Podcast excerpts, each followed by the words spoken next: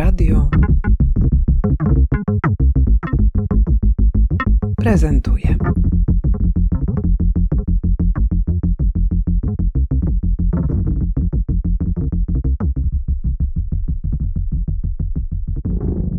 Nazywam się Bolesław Chromry.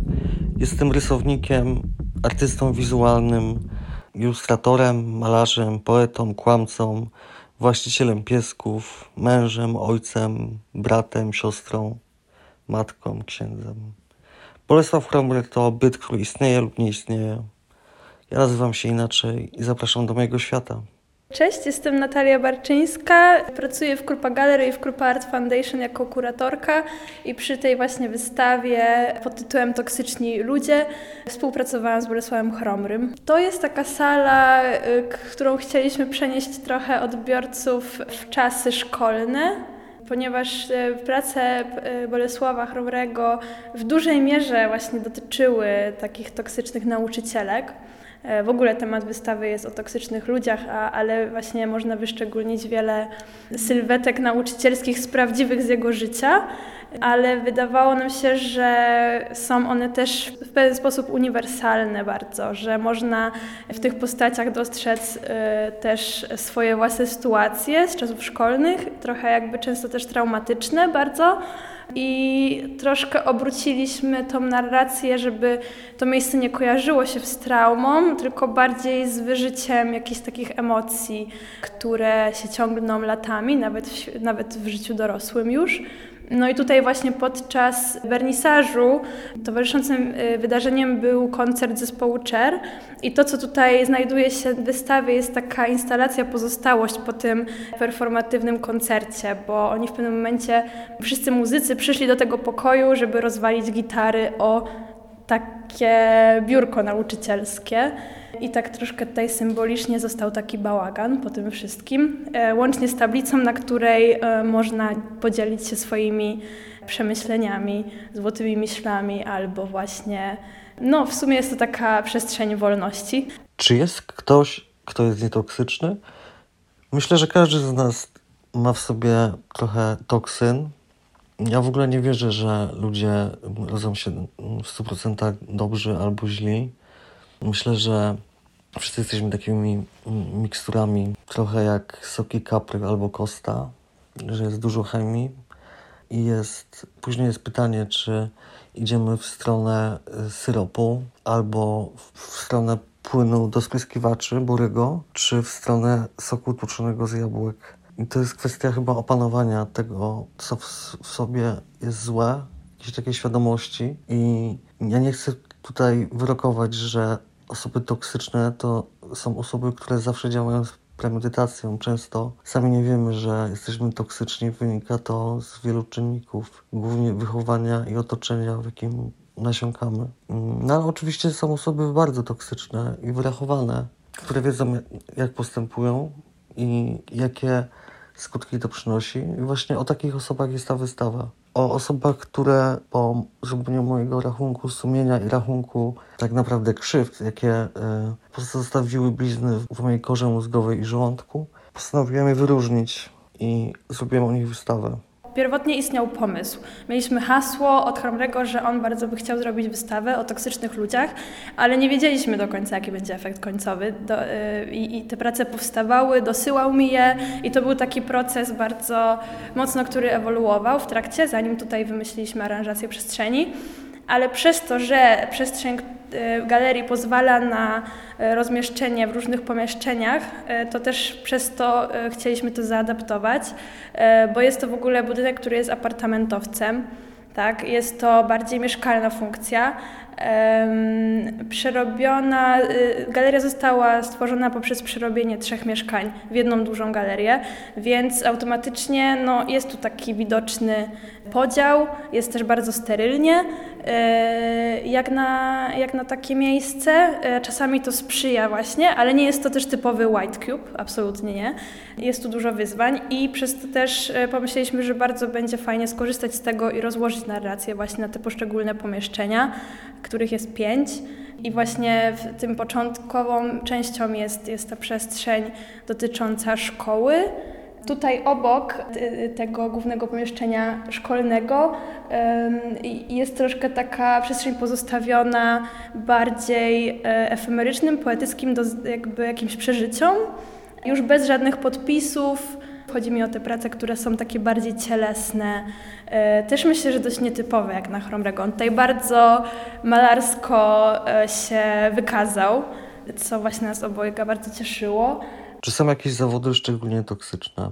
Moim zdaniem te zawody najbardziej narażone toksynami to zawody, e, w których to ego gra pierwsze skrzypce, czyli no zawody tak, no, w większości kreatywne. Tam, gdzie to ego jest pielęgnowane i następuje y, ukryta, właśnie co najgorsze, to jest ukryta walka o dominację. To nie tak jak wśród psów, czy w ogóle zwierząt, że wszystko jest zero-jedynkowe, tylko to wszystko dzieje się za plecami. I no głównie dlatego mm, trochę zachowuję się jak osoba społeczna i unikam um, uczestniczenia w jakichś takich imprezach branżowych, typu wernisarze, spotkania, imprezy, bo po prostu to, co było dla mnie najważniejsze w życiu, żeby osiągnąć, to to, żeby unikać tego, czego najbardziej nienawidzę, czyli łaszenia się do ludzi, żeby ktoś mnie polubił. Napis Jestem nikim miał być tytułem pracy i trochę było robienie burzy mózgów z artystą, czy to ma być podpis na pracy, czy gdzieś obok. I, I w sumie jakoś wspólnie po paru minutach tak naprawdę burzy mózgów, dość szybko i spontanicznie, zdecydowaliśmy, że, że właśnie ten napis będzie taką kropką nad i, bo w sumie jak się ogląda wystawę, to ten pokój jest ostatnim. Czy ta wystawa jest w nurcie terapeutycznym? Chyba cała moja twórczość jest w nurcie terapeutycznym, tylko od kilku lat jestem tego świadomy, bo wcześniej to uprawiałem jakby tak, tak pierwotnie, podświadomie próbując sobie pomóc. I to wszystko zrodziło się tak naprawdę z wielu frustracji. Na przykład przypominam sobie, że kiedy po studiach poszukiwałem pracy w branży kreatywnej, to przez jakiś rok odbijałem się od ściany i jedyne odpowiedzi, jakie dostawałem na swoje CV, no to były takie formułki bardzo grzeczne, korporacyjne, że dziękujemy za przesłanie aplikacji. W tej chwili nie możemy niczego zaproponować, ale mam nadzieję, że pozwoli Pan, Pani, e, żeby zachować e, do Pana kontakt i na pewno się kiedyś odezwiemy. I ja te wiadomości przypisywałem, robiłem z nich rysunki no to mi chyba pomagało i później okazało się, że to jest, że takie moje doświadczenia, które, no ja się tego wstydziłem, no bo jak, jak się cierpi i jak coś nie wychodzi w życiu, no to nie jest powód do chwalenia się, ale no niepotrzebnie to ukrywałem. To tak samo jak się jest ofiarą. Ofiara też się wstydzi, a wstydzić powinien oprawca.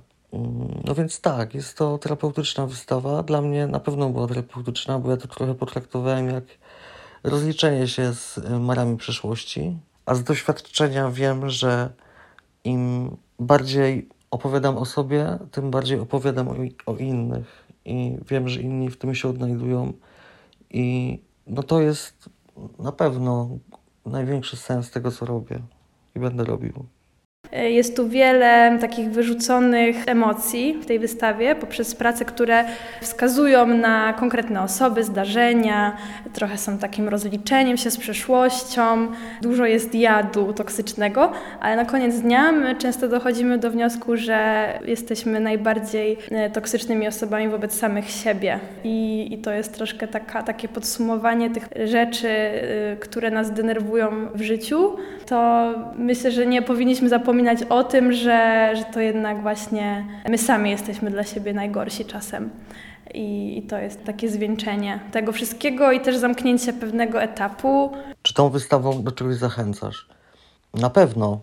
Na pewno zachęcam do rozliczenia się z przeszłością. No to może nie, no, no nie, nie powiem takiej łopaty, że zapraszam wszystkich na psychoterapię, ale ta wystawa jest takim polem do, do rozjebania tych wszystkich koszmarów, które tkwią w tyle głowy. Dlatego jedno pomieszczenie zostało zaanektowane na salę szkolną z ławką, z tablicą To jest taka symboliczna sala szkolna przemocowej nauczycielki, nauczyciela, który ka każdy z nas ma takiego kata, takich katów w głowie, które śnią się. Szkoła jest najczęstszym koszmarem, która potrafi śnić się przez całe życie. No i to było takie miejsce, żeby dać upust swoim emocjom. E, żeby nie bawić się w mechanizm wyparcia, bo mm, no to wypieranie to kończy się zawsze jak się kończy. Kiedyś to musi pęknąć. Dlatego też tam na biurku też przygotowałem dziennik uwag, w którym można napisać uwagi, ale do nauczycieli odwróciliśmy ten, te relacje.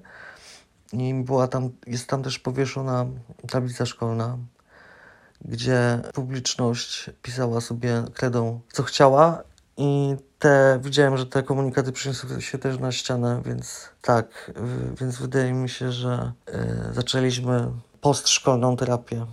Przez to, że to jest bardzo osobisty projekt tak naprawdę, mimo tego, że jest tu wiele uniwersalnych e, prawd, to e, artyście zależało na tym, żeby zaprosić bliskie jemu osoby artystyczne, czyli właśnie innymi Magdę Sawicką, z którą wspólnie wymyślali te, tego toksycznego gluta, bo trochę chcieli, chcieliśmy oddać taką materialną metaforę toksyny, więc ona tutaj dużą, dużą ważną część stanowi, oraz Dum 3K, czyli Michał, który odpowiada za warstwę ubranie tutaj, które też powstały we współpracy z Chrorum, który przygotował rysunki, a t-shirty i bluzy e, już wykonał Michał. Także tutaj one też e, ze zwykłej ekspozycji, jak właśnie zamiast sklepu odzieżowego mamy tu bardziej taką formę, że ubrania przyjmują postać takiej bardziej instalacyjnej rzeczy, która się wkomponowuje w resztę. Widok z galerii jest piękny,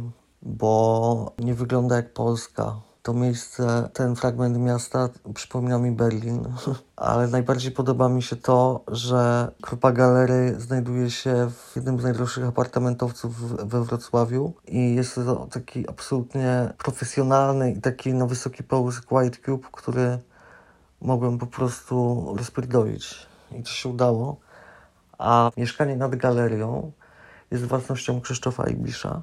Miałem cichą nadzieję, że, że przyjdzie, przyszedł, ale chyba nie przyszedł. Ale też nie uważam, żeby Krzysztof Ibisz był toksyczną osobą, chociaż mogę się mylić, ale każdy, kto kiedyś był ofiarą, oprócz tego, że później ta ofiara jest wypisana na twarzy i przyciąga się potencjalnego przemocowca, to jednak uczy się mechanizmów zachowań, obserwacji i łatwiej jest wyczytać, kto może być toksyczny, żeby przetrwać. Ale tak, pokój z widokiem. Z daleka widok jest piękny i z bliska również. Które pomieszczenie najbardziej polecasz?